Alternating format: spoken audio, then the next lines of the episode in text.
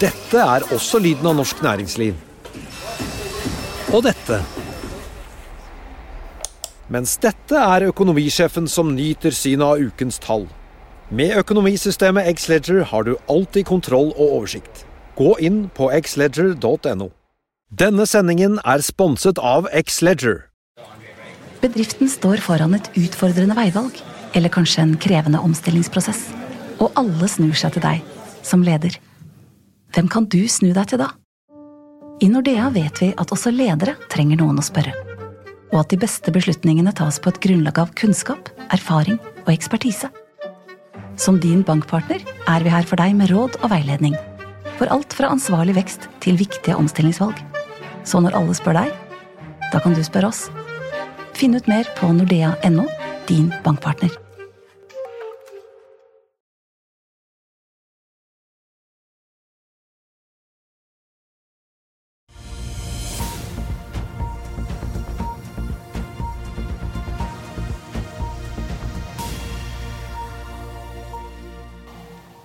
God fredagsmorgen og velkommen til Børsmorgen her hos oss i Finansavisen. Mitt navn er Marius Lorentzen sammen med aksjekommentator Johan Molnes her på Smestadammen i Oslo. Norwegian runder av 2023 med et overskudd og lover utbytte. Fem aktører får delta i den norske havvindauksjonen på Sørlige Nordsjø 2. Og store eiere vil sende, selge unna aksjer i både Sats og Autostore. Og Folketrygdfondet har passert 350 milliarder kroner i verdi, og sjefen i fondet, Kjetil Haug, er vår gjest eh, straks. På kalenderen i dag så får vi, eller skal i hvert fall få TBU-tallene i forkant av lønnsoppgjøret. i tillegg til Folketrygdfondet og Norwegian, så er også Olav Thon Eiendom, Phil Shipyard og Aurora Eiendom på kvartalskalenderen. Vi får også svensk ledighetstall i løpet av dagen. På en dag der hovedindeksen er ventet å starte opp en halv prosent av Nordnett. Vi så en svak oppgang i går. Tomra hadde jo en fantastisk dag. Wall Street var ganske hyggelig også. Smallcap-indeksen Russell 2000 steg jo igjen etter et kraftig fall tidligere i uken. Dow Jones ledet an blant de store med en oppgang på nesten 0,9. SMP 500 satte ny rekord, endte opp 0,6 og Nasdaq opp 0,3% I Asia så har vi også sett de store indeksene stort sett tikke oppover i eh, dag. Vi har jo fått eh, kineserne tilbake i handelen igjen etter at de har feiret eh, nyttår. Så får vi også ta med nordsjøoljen da. Brenten ligger på 82,67, ned drøye 0,1% nå i spotmarkedet. Den amerikanske lettoljen på 77,50. Equinor har boret en tørr brønn på Harden Sør-prospektet sammen med Wellesley og Petoro, kommer det frem i en melding fra Oljedirektoratet, eller Sokkeldirektoratet som det nå heter. Og ellers så er italienske Eni, som jo er storaksjonær i Vår Energi, ute med sine kvartalstall i dag. Og uken etter at dårlig lønnsomhet i havvind var et sentralt tema på Equinors kapitalmarkedsdag i London, så er regjeringen her hjemme i dag altså ute med listen over aktører som har passert rundingsbøyen på kvalifiseringssøknadsprosessen, altså, og som får lov til å delta i auksjonen som skal arrangeres som Norsk Havvind. Avsparket går 18. mars, og det blir ikke noe utsettelse for det som da blir den første havvindauksjonen her til lands som omfatter et område som kalles Sørlige Nordsjø 2, selv om en rekke aktører som Shell og andre har bedt om det, og gjort det også ganske offentlig, får vi si, da for å få mer tid til å finne bedre lønnsomhet i disse prosjektene, som vi bl.a. har hørt fra Shell Norge-sjef Marianne Olsnes også i disse sendingene så har uh, selskapet da gjort det ganske tydelig at de ikke nødvendigvis kommer med bud, selv om de da kvalifiserer seg til å delta. De aktørene som nå er klarert, er en gruppering bestående av Aker Offshore uh, Wind da, i Mainstream Aker Horizons, sammen med britiske BP og Statkraft. Den andre er Equinor og tyske RWE. Og så har vi Norseman Wind, da, samt denne alliansen mellom Shell, Lyse og Evenyr, tidligere kjent som BKK. Og den siste er Ventyr, som består av Parkwind og Ikeas investeringsselskap Ingka. Det blir en auksjon med åpne bud, og man må altså konkurrere om å be om minst mulig subsidier. Den med det laveste støttenivået per kWt vinner, ifølge Energidepartementet. Det kommer ikke noe nytt i meldingen om Utsira Nord, altså dette området for flytende havvind. Men energiminister Terje Aasland har akkurat hatt et pressetreff, så vi får se hva som kommer derfra utover eh, formiddagen. God morgen, eh, Karl Johan. Fra havvind skal vi kaste oss over noen andre som er i vinden, nemlig Norwegian. Der går det bra om dagen. Tidenes beste driftsresultat, sier konsernsjef Geir Karlsen, og lover utbytte enten i form av 60 øre aksjen i kontanter hvis kreditorene tillater å gå med på litt endringer i lånevilkårene. Eller så blir det satt på et rentefond i mellomtiden. Ja da, men Nå har de begynt å tjene penger. Ja. Det er jo veldig bra. De guider jo også for høye resultater for eh, inneværende år, med en range da fra 2,5 til 3,2 milliarder. Det er jo en stor range. da. Konsensus ligger på 2,56. og Man skal da Ja, noen, noen, analytikere mener kursen skal gå opp med 10-15% Det er litt mye, syns jeg. Så det, jeg tror man skal være fornøyd om aksjen går opp med 5-10 på dette. Det, ja, fordi vi tar, får ta historikken. Ja, det er ikke ja. veldig lenge siden Nei. de kom med post, et positivt resultatvarsel hvor de sa at det tidligere guidingen på et resultat på 2 milliarder, det kom nå til å bli 2-2. Fasiten viste 2,23. Så det tikker jo oppover i år hvis alt går som det skal. da. Ja, og det, men klart Nå skal de integrere Widerøe, og Widerøe har jo meldt om at svakhet i markedene. da, det er jo så Du hadde jo en periode, altså Før 2014 så var jo hotellrom veldig dyre, og nordmenn drev og reiste til utlandet. og Så hadde en periode da oljeprisen falt, hvor det var veldig billig å, å bo på hotell i Norge, da, spesielt Bergen. Widerøe har jo bygd opp et eh, veldig bra system rundt eh, Hvis du skal ha konferanse i Bergen, så frakter Widerøe deg dit. og Hvis det er en norsk organisasjon, så kan alle fraktes med fly fra Kristiansand og Sandefjord og Stavanger og helt i nord. Og, og nå skal alt til Bodø? Ja, ja, til Bodø, nå skal alt til Bodø. Så der er, eh, men organisasjonen har blitt så ESG-vennlig. Det skal helst ta buss, til, eh, buss eller tog dit de skal. og Det reduserer jo da, pluss at det er blitt dyrt å bo på hotell, gjør at for utlendingene kommer og presser opp prisen. og Jeg tror også disse her eh, booking eh, portalen også presser opp prisene. Altså det, det, skaper litt problem. For, men samtidig da, så den endringen da, gir jo muligheter for Norwegian til å gjøre endringer om videre. Og Det er vel en hovedflyplass på vei i Mo i Rana, en ny stor flyplass på en gang. Der er fire flyplasser i, i, på Helgeland. og eh, Da må man også gjøre endringer i rutetilbudet. og Det ligger jo liksom midt i mellom hovedkontoret Bodø og ned til Trondheim. så det, eh, det er en del grep som skal tas. da. Og eh, Dette her eh, kommer de nok til å finne ut av.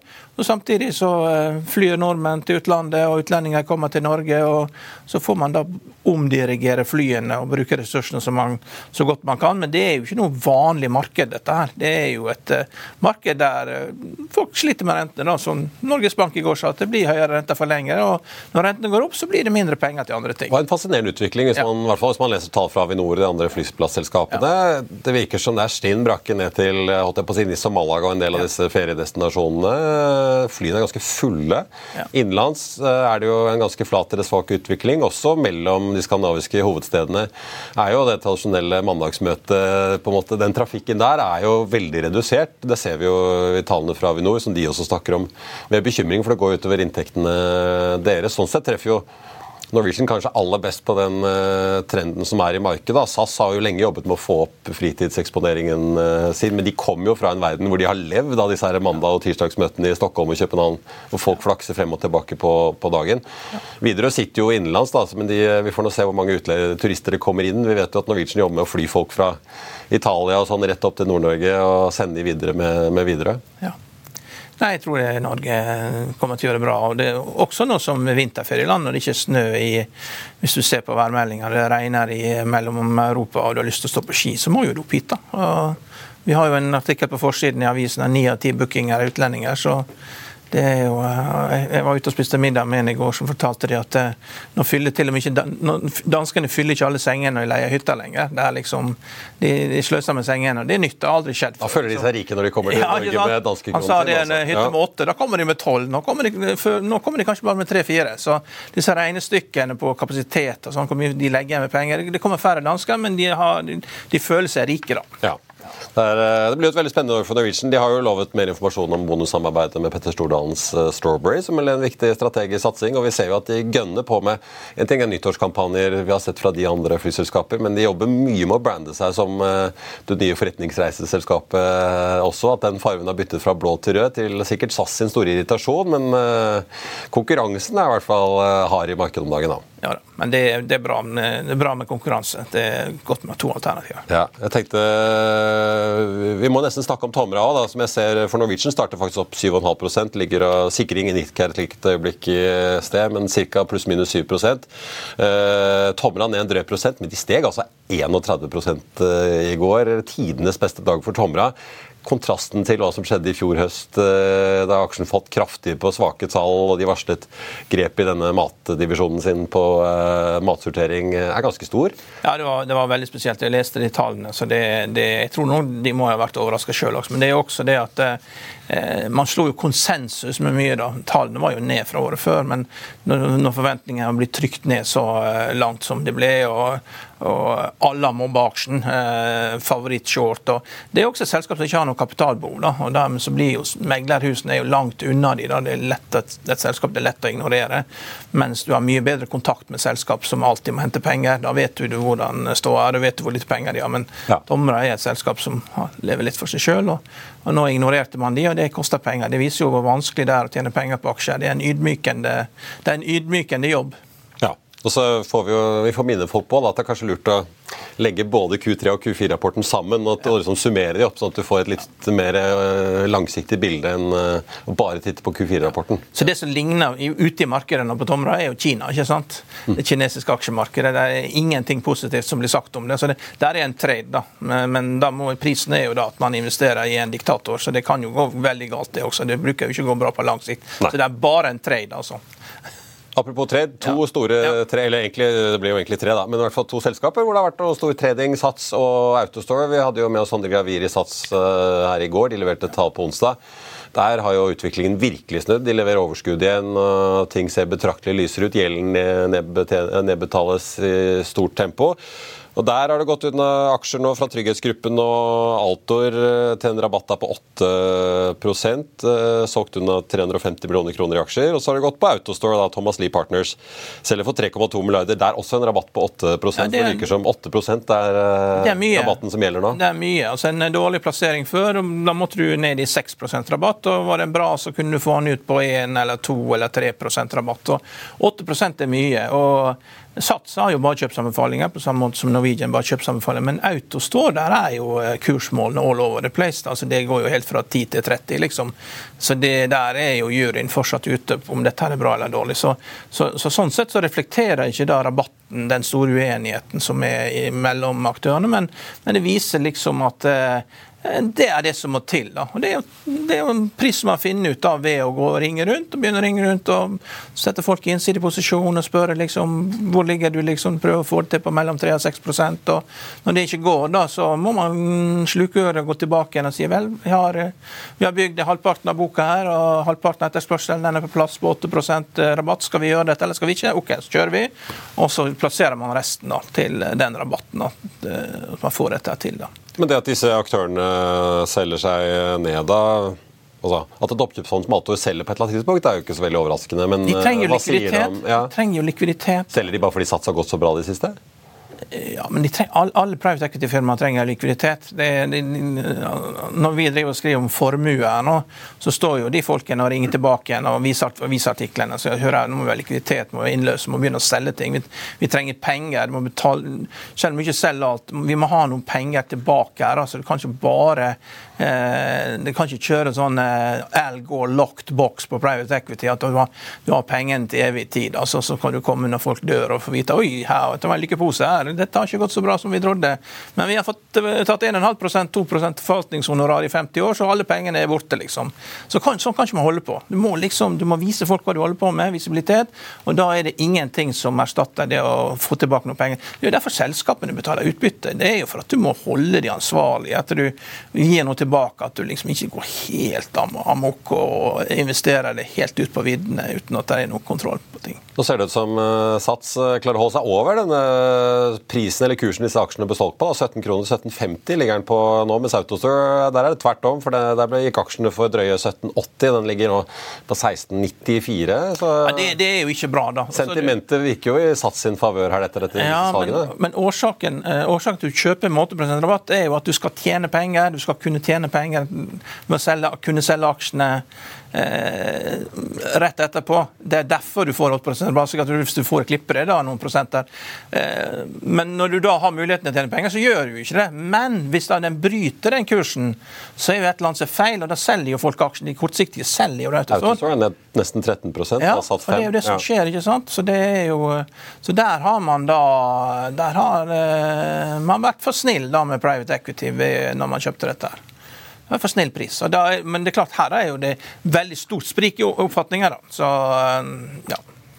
Får uh, se. Det ser i hvert fall ut til å bli en veldig hyggelig dag for Norwegian, som opp uh, Nå er det en hårsbredd under 10% opp. 9,15 ligger de opp nå, men hovedindeksen er opp 0,8 Fortsatt et stykke opp igjen til 1300 poeng, får jeg si. da. I dagens avis så kunne man jo lese om disse SSB-oljetellingene som kom i går. Tore Wamrock, tidligere finans, statssekretær i Finansdepartementet, som nå er sjeføkonom i Sparebanken Sør, mener at den høye aktiviteten og investeringsnivået på sokkelen, som drives veldig mye av prosjektene som kom i oljeskattepakken, satte spikeren i kista for et rentekutt eh, før eh, høsten.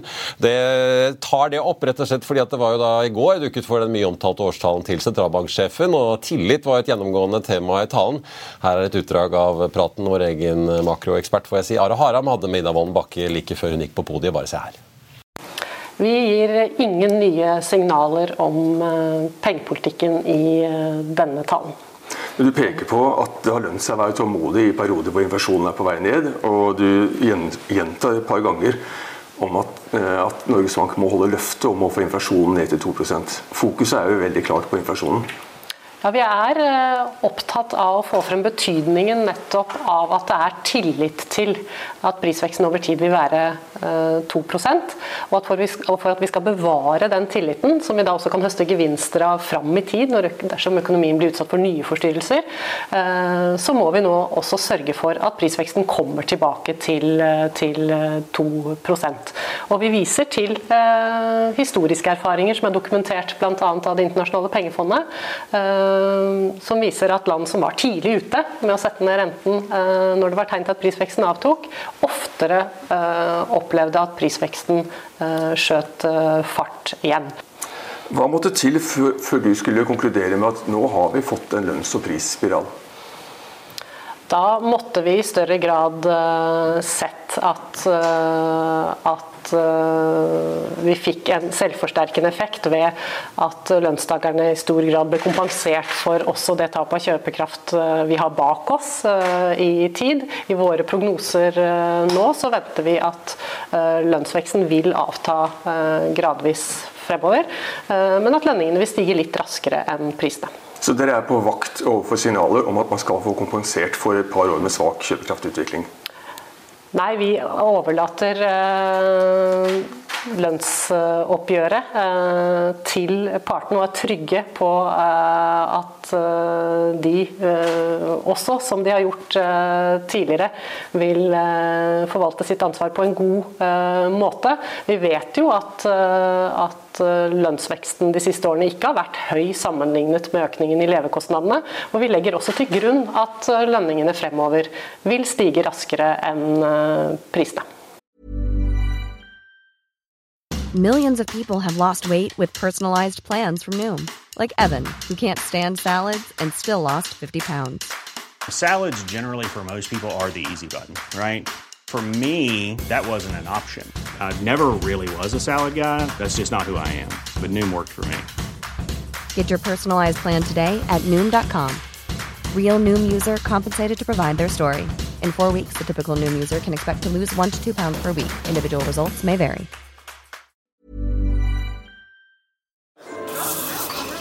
Dette er også lyden av norsk næringsliv. Og dette. Mens dette er økonomisjefen som nyter synet av ukens tall. Med økonomisystemet Xledger har du alltid kontroll og oversikt. Gå inn på xledger.no. Fra et uh, annus horribilis for de fleste investorer i 2022, der både verdien av aksje- og renteinvesteringer falt på samme tid, ble det noe ganske annet i 2023.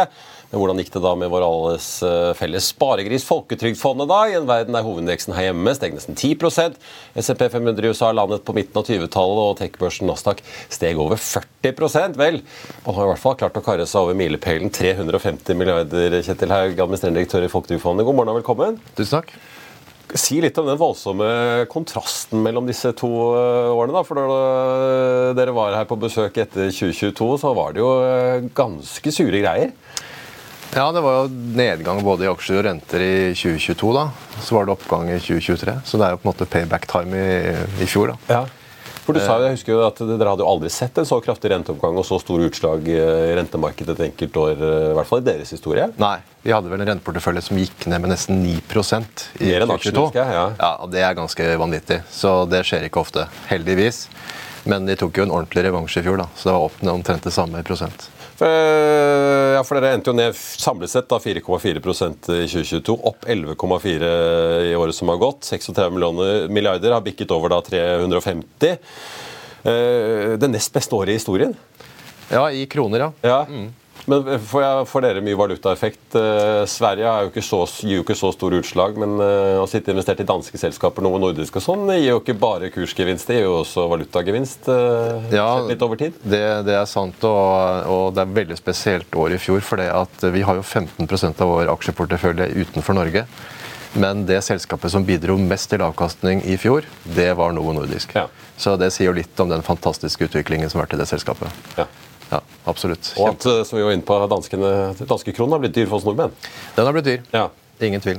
Eh, aksjene steg jo, som jeg var inne på, hovedindeksen steg jo 9,9. Deres aksjeportefølje steg jo 13,6. Rentene var oppe 8,2. Kan du si litt om hvordan dere da i praksis klarer å generere mer enn Oslo Børs? Fordi dere er jo veldig store på Oslo Børs. så Det er jo ikke sånn at dere kan gjøre veldig mye store avvik sammenlignet med det brede markedet.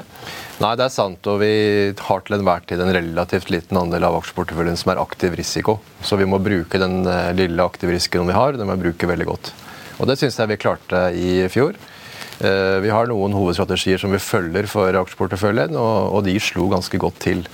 Det er jo å prøve å unngå det som faller, og så er det å prøve å være med der hvor det stiger. Enkelt, og enkelt sagt, men ikke så lett i praksis. Og Det lykkes vi godt med. Investere i kvalitetsselskaper som gjør det bra, og unngå de som, eh, hvor prisingen etter vår mening da er luftig.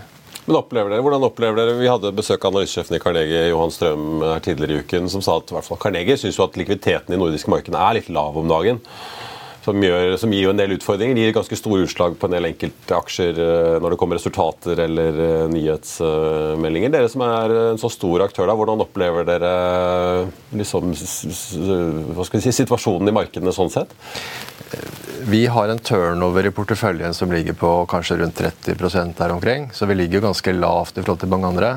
Eh, Og det må vi, fordi vi har såpass store posisjoner at for oss å flytte på, på dette på kort sikt, det er nesten helt umulig.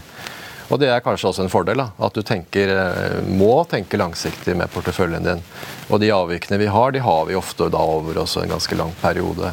Så, så det betyr at vi prøver ikke å treide en aksje eh, i veldig stor grad. Vi prøver å ta avvik som vi skal holde på en god stund.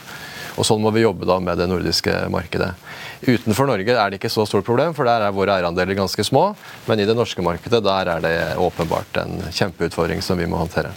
Dere jeg får jo si skryter av det, at dere har eh, slått referanseindeksen eh, da ti år på rad nå. 0,7 prosentpoeng i det litt tunge året 2022.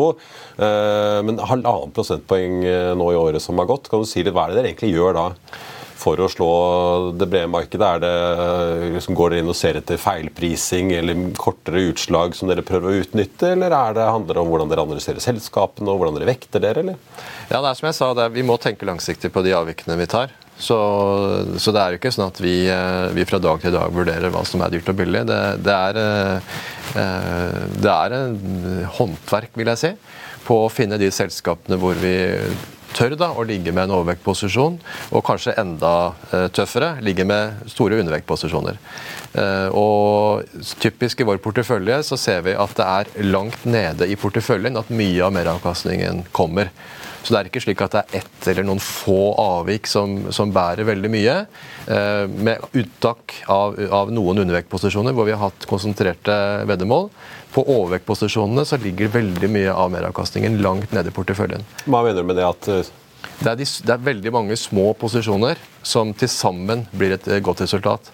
Så Det er noe med metoden, det er noe med måten vi, vi vurderer porteføljekonstruksjon på også, som gir resultat over tid. For dette har jo vært konsistent, som du var inne på, over mange år, faktisk. Men er det, jeg har jo tidligere sett at dere har jo vektet dere også på sektorer opp og ned. Ja, det har vi Er det en viktig bidragsyter? Altså typisk man, Vi har jo sett måte hva gassprisen i Europa har gjort, særlig for Equinor, men også Vår Energi og de som er gasseksponert. da. Mm. Om man tar et syn på det eller andre teknologisektoren med renteendringene? Vi har det som et spor også, men uh, i 2023 og 2022 uh, for øvrig så var ikke det en viktig bidragsyter til, til fondet. Uh, det er litt av og på. Det er noen ganger at vi ser at det er noen trender som vi absolutt ønsker å være med på. Og hvis du treffer på det, så kan det bety mye. Men det er ikke det vi har tjent penger på denne gangen. Og så vil jeg også nevne at på rentesiden, altså Vi snakker mye om aksjer, men rentesiden har jo faktisk bidratt veldig mye til det gode resultatet. Som jeg sa, de, det er payback time i 2023, og så har de også levert en meravkastning på 2 prosentpoeng. Det er egentlig litt uhørt, men der er forklaringen at vi har vært gode på markedstiming. Så vi bygget opp en posisjon gjennom 22, hvor det var et svakt år. Eh, spreddene gikk ut. Vi utnyttet det, tok på posisjoner som vi har tjent godt på i 2023. Så det er godt håndverk igjen. Shipping har jo blitt mye større de siste årene. Har dere lov til å eie disse selskapene som er utenlandsregistrerte? Er de del av porteføljen? Ja. Så hvordan styrer dere Hvordan prøver dere å slå markedet der? Ligger det bare markedsvekt for det er så vanskelig å time shipping, eller prøver dere å ri de trendene som er der når de kommer. Hvordan tilnærmer dere shippinginvestering for å slå markedet? Nei, vi har ikke tatt noe særskilt avvik på, på shippingsektoren som sådan. Så der igjen da, prøve å plukke vinnerne innenfor sektoren, som har vært eh, håndverket vårt. Og det har dere lykkes med ved å velge de rette aksjene på oppturen? Ja, altså For porteføljen samlet sett så har vi truffet bra på avvikene våre. Ja. Eh, du nevnte jo Novo Nordisk, eh, som jo er helt vanvittig når man ser på størrelsen det har blitt. Men eh, det leder meg litt over til Norden. fordi Dere har jo blitt så svære at dere blir, litt sånn elefanten i glasshuset på Oslo Børs. For dere har jo begrensninger på hvor mye hvert enkelt selskap dere kan eie. Og Politikerne tar jo ikke ut penger av fondet, sånn at noe, et eller annet sted må det jo gå. Eh, og Dere har jo også tak på hvor mye dere kan gå ut i Norden. Hvordan er den situasjonen nå? Er det sånn at eh, det kommer til å bli åpnet mer i overskuelig fremtid, eller? Nei, Vi venter jo spent, da. Vi har jo levert en anbefaling til departementet. Og så, så får jo politikerne bestemme hvordan de ønsker at dette skal bli over tid. Eh, vi ser jo fram til fondsmeldingen, den årlige, eh, årlige, meldingen som kommer om oss og om oljefondet, til Stortinget. Kommer, kommer om ikke lenge. Og Da håper vi da at vi, vi får en avklaring på akkurat det spørsmålet. Så, men dette er politiske eh, avveininger som, eh, som, politikerne må få inn ut av, rett og slett. Er det aktuelt for dere å tenke utover Norden, eller er det mer enn nok å holde på? Ja, vi, Norden er et kjempebra univers. og Hvis du ser også på markedet over tid, så har jo Norden levert ekstremt godt. 2023 eh, igjen så har jo Norden en veldig god avkastning. Selv om vi ikke har disse Magnificent Seven-aksjene, så har vi allikevel veldig mange gode. Ikke bare Novo Nordisk. Eh, Sverige gikk bra i 23. Og så har vi også det som jeg syns er fascinerende med Norden, at du har dette med, eh, med at Norge går litt i motfase mot resten. Så i 2022, som var et dårlig aksjeår, så gjorde Norge det egentlig ganske bra. Mens i fjor så var jo Norge svakt. Og det er litt motsyklisk og egentlig en veldig fin eh, faktor å ha inn i en Norden-portefølje. Det gir jo dere mer å spille på, da. Det er mer å spille på, så jeg syns at eh, det universet er helt glitrende. Trenger ikke å gå noe lenger enn det. Men det er klart for oss så er utfordringen at vår eierandel på Oslo Børs er høy. Eh, vi rapporterer ca. 10% eierandel ved med utgangen av fjoråret på hovedindeksen. Så det betyr at all, av all fri flyt så eier vi 10% og Den kan jo selvfølgelig bli høyere, men på et tidspunkt da så blir det, er det ikke bra verken for markedet eller for oss. Det var en gang jeg, tok ut sektormiksen for hele Norden da, for å sammenligne med USA. Da. Var Forskjellen var det at eh, USA hadde 10% mer service, og vi hadde 10% mer industri. Da. Og Nå ser vi Novo Nordisk, altså nå hevder vi oss på medisin. og Det er teknologi vi ligger bak USA på. Men vi, vi har jo en enorm fordel i Norden. det er at Tyskland de importerer ikke ferdigvarer. og Det har jo gitt det resultatet at vi er nødt til å være globale slik at du er nødt til å, konkurrere over hele verden. Spesielt finne Masse mellomstore eh, internasjonale selskaper som hevder seg. og Vi har jo alltid vært råvarnasjon. Sverige er jo overalt. Danmark er overalt. Så det er jo som et lite, en liten verden, da. Men litt, litt annerledes sammensatt hele tida. Men ja, det er en verdensøkonomi i seg sjøl, altså. Med enormt fokus på eksport. Mm. Jeg er helt enig, og jeg synes også du ser at det norske, nordiske børsmarkedet fungerer bra. Det er mye, mye, IPOs, nye selskaper kommer. Knoppskytingen er god, innovasjonskraften er god. Det er god politisk stabilitet, det er gode insentiver. Så dette er egentlig et fantastisk sted å være. Det har vært mye verdiskaping i Norden over tid. Men det er ikke sånn at uh, Magnificent Seven og det amerikanske markedet er, er sånn altoppslukende at det suger oppmerksomhet og kapital vekk fra Europa og Norden? Da? Nei, det ser ikke sånn ut. Nei. Og avkastningen som sagt var god og når vi får fram et selskap som Novo, som er Europas eh, mest verdifulle selskap per i dag, så sier jo det litt om eh, hva som bor i eh, landet her. Novo er helt rå. Jeg husker For 15 år siden sånn, så fikk jo hovedkonkurrenten Elia Lilly produksjonsproblemer tok jo bare noe og dobla prisene. De er helt rå. Danske kremmere? det, det er liksom what happened here, liksom. Så, så de, de, de, er, flinke. Det, men nå har jo Lilla Lilly kommet tilbake igjen da, og er jo konkurrenter. Og det er viktig å ha konkurrenter. Så, nei, så, det er mange suksesshistorier. Så jeg ønsker deg lykke til da, med å, få en small cap-satsing. Eh, men, men, uansett om den havner i Tromsø eller gjør det sjøl, en nordisk small cap-satsing er jo veldig bra. Jeg satt jo med kunder som hadde small cap-porteføljer. og To dager i Danmark, ti, ti selskapsbesøk, fem investeringer. og eh, Putter to til fem millioner dollar inn. Sitter sikkert med de pengene i disse aksjene som har vokst eh, videre. Så det er, jo en, det er jo en lett jobb å gjøre når du har så mange gode selskaper. og eh, mye skriftlig kommunikasjon på engelsk, de, selskapet rapporterer bra. Det er utrolig lett. Så hvis dere ikke gjør dette, så sitter jo amerikanerne og, og kommer til å plukke disse aksjene. Og, og når Eh, tech-bobla er over og dollaren svekker seg, så kommer de pengene. Så du, du har dårlig tid altså, hvis du skal handle dette billig, for de, de pengene kommer. Der plutselig bare får du beskjed om at ja, nå er Norden eh, renket som én i verden, og skal vi ha penger i Norden. og da, det, da kommer pengene fort. altså. De, og de bruker, ikke, de bruker ikke ett år på å få de pengene inn, hvis det skal være disse her skal inn med 50 millioner dollar hver. Så det, så det, disse, alle disse amerikanerne som ser på listene, det er, jo, det er jo tanker som ligger bak. da, det er veldig sjelden at det er indeksfond som ligger bak disse her, alle disse navnene. Selv om at det står State Street og JP Morgan, så er jo det aktive handlinger som ligger bak disse kjøpene. Ja, for Vi må jo ta bakhistorien bare kort for de som ikke kan den. Det, det har kommet ønsker av politisk hold om å etablere et kapitalforvaltningsmiljø i Nord-Norge. Dere sendte jo et brev hvor dere anbefalte en viss modell hvor man ikke på en måte blander inn dagens folketrygdfond, men dere holder, altså man går kun for nordiske aksjer, ikke Norge.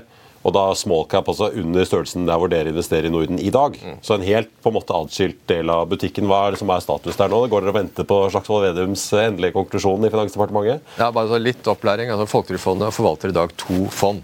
Det ene er Statens pensjonsfond Norge, og så forvalter vi også Statens obligasjonsfond, som ble satt opp under pandemien. Hvis dette fondet her blir realisert, så Statens fond i Tromsø, så vil vi da forvalte tre fond i Folketrygdfondet, med to lokasjoner. Så det er bare... Obligasjonsfondet er jo praksis under avvikling? er det ikke? Ja, det er under avvikling. Det var en pandemi. Ja. Men det er fortsatt i, I drift, da. Ja. ja, ja det lever i beste Men det skal, det skal, over tid Det skal fases ut, det er riktig. Så, så er, statusen på det er at nå skal dette til politikerne på Stortinget i vår og så får vi høre hva de sier. Men vi har fått, et brev, eller fått to brev faktisk om å utrede en modell hvor vi forvalter, og det har vi gitt et råd på. Og da er det som eh, du er inne på, Karlian, da skal vi inn i nordiske smallcap-aksjer hvis det blir slik vi har anbefalt. Og Det tror vi kan være en eh, lur idé. Staten lånefinansierer eh, dette nye fondet, så det blir en form for statlig giring som skal brukes til å investere i nordisk smallcap. Det er en smart idé. Eh, og så er det vår jobb da å eventuelt få det til å bli en suksess. Og Det er jo helt frikobla fra dette her med å slå indeks ikke slå indeks. for du, du, finner gode bedrifter, og du kjøper de gode, og, og du sitter på det. For der har jo ikke noe, det, det, er jo ingen som kommer og skal innløse disse her. Så Det er, en, det er jo en eh, relativt aktiv jobb til å begynne med, men så begynner jo tålmodigheten. da. Du må, blir jo satt på prøve med at du må jo må sitte og holde på dette. her. Det blir jo ikke så mye transaksjoner etter hvert. hvis at Det trenger ikke å handle bare for å handle hvis du eier gode smallcap-aksjer. Nei, Transaksjoner spiser opp avkastningen, så ja, det må ja. man prøve å unngå. Ja. Gjelder ikke bare sitte og trede for å trede. Men apropos til slutt, fordi eh, etablering av nytt kontor det er jo ikke gratis. så Det fører meg litt over til kostnadene og hvordan det vil se ut internt eh, nå fremover. Dere bruker jo drøye 200 millioner på forvaltning, i hvert fall i fjor. Eh, så det er jo ikke selvfølgelig, det blir jo penger av det når det er så stort fond. Men prosenten blir jo lav. Men klarer dere å få kostnaden nedover nå ved bruk av AI eller automasjon og andre ting? fremover, for jeg antar det går veldig mye tid på å sitte og lese regnskaper, og dere er jo deltar på masse generalforsamlinger og skal stemme, og det er jo veldig mye arbeidskrevende prosesser. Klarer man å få i årene fremover forvaltningskostnadene merkbart ned, eller? Ja, Vi forvalter i dag til ca. seks basispunkter. så Det er jo veldig konkurransedyktig. vil jeg påstå. Og Ambisjonen vår i Tromsø er at det også skal bli en kostnadseffektiv forvalter. Jeg tror Noe annet enn det er ikke mulig å få bærekraftig over tid. Uh, AI, ja. Digitalisering, ja. Vi er vel blant de som har, uh, en, i hvert fall i det norske markedet, mest digitaliserte prosesser i forhold til å få hele verdikjeden til å fungere optimalt. Og Det jobber vi kontinuerlig med. At vi, vi, har digitalisert veldig mye hos oss når det gjelder hele oppgjøret og også en del av eierskapsoppfølgingen, generalforsamlinger, stemmegivning, og alt mulig sånt nå. Men det er fortsatt en del ting som er nesten umulig å digitalisere. og fortsatt er det, Du nevnte disse Cayman-registrerte shippingselskapene. Der er det fortsatt at du må levere signatur på, på print. ikke sant? Så ja. Det er ikke alltid så lett å få digitalisert alt. AI kommer og kommer til å bli et nyttig og viktig verktøy for alle våre ansatte. Både på, i hele verdikjeden, fra forvaltere og, og, og til eh, andre som jobber med, med analyse og rapportering. Så dette er nyttig verktøy, men jeg tenker at det er ikke noe som revolusjonerer bransjen vår fullstendig. Det er jeg ikke sikker på. Nei. Men det er, så det er ikke sånn at det blir uh, masse ansatte må finne seg nytt å gjøre i årene fremover. Men uh, dere klarer i hvert fall i det minste å ikke måtte øke staben, selv om dere skal drive med mer og fondet øker. Og.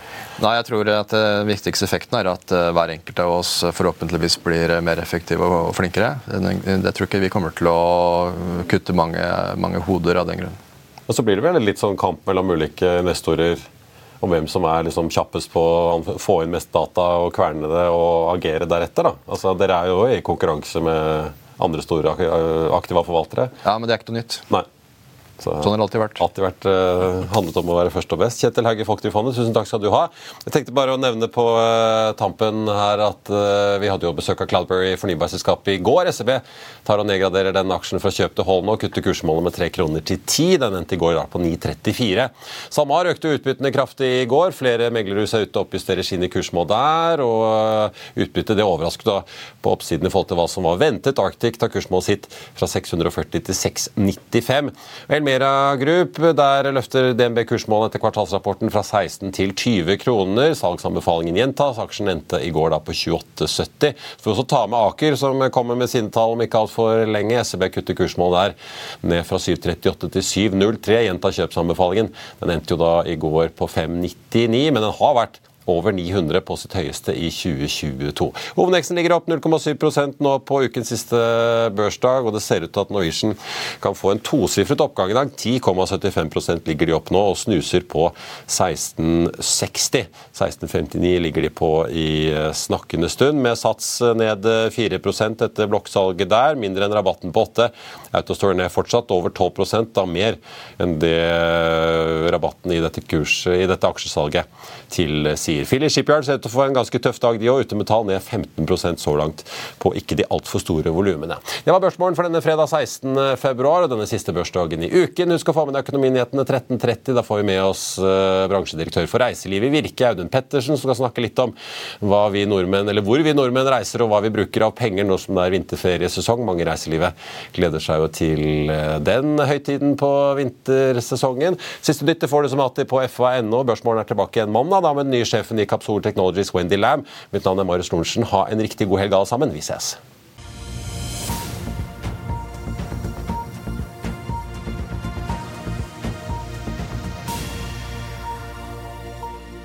Denne sendingen er sponset av X-Leger. When you need mealtime inspiration, it's worth shopping Kroger, where you'll find over 30,000 mouthwatering choices that excite your inner foodie. And no matter what tasty choice you make, you'll enjoy our everyday low prices, plus extra ways to save, like digital coupons worth over $600 each week. You can also save up to $1 off per gallon at the pump with fuel points. More savings and more inspiring flavors make shopping Kroger worth it every time. Kroger, fresh for everyone. Fuel restrictions apply. ACAST powers the world's best podcasts. Here's a show that we recommend. Hi, I'm Jesse Cruikshank. Jesse Cruikshank. I host the number one comedy podcast called Phone a Friend. Girl. Let's phone a friend. Not only do I break down the biggest stories in pop culture with guests like Dan Levy and members of InSync, I do it with my own personal boy band singing jingles throughout. Because it's my show. It's your show, girl. New episodes of Phone a Friend Yeah. drop Thursdays wherever you get your podcasts. So work it, girl. Yeah, work it. Okay, that's enough. ACAST helps creators launch, grow, and monetize their podcasts everywhere. ACAST.com. Økonominyhetene er en podkast fra Finansavisen. Programledere er Marius Lorentzen, Stein Ove Haugen og Benedikte Storm Bamvik. Produsenter er Lars Brenden Skram og Bashar Johar. Og ansvarlig redaktør er Trygve Hegnar.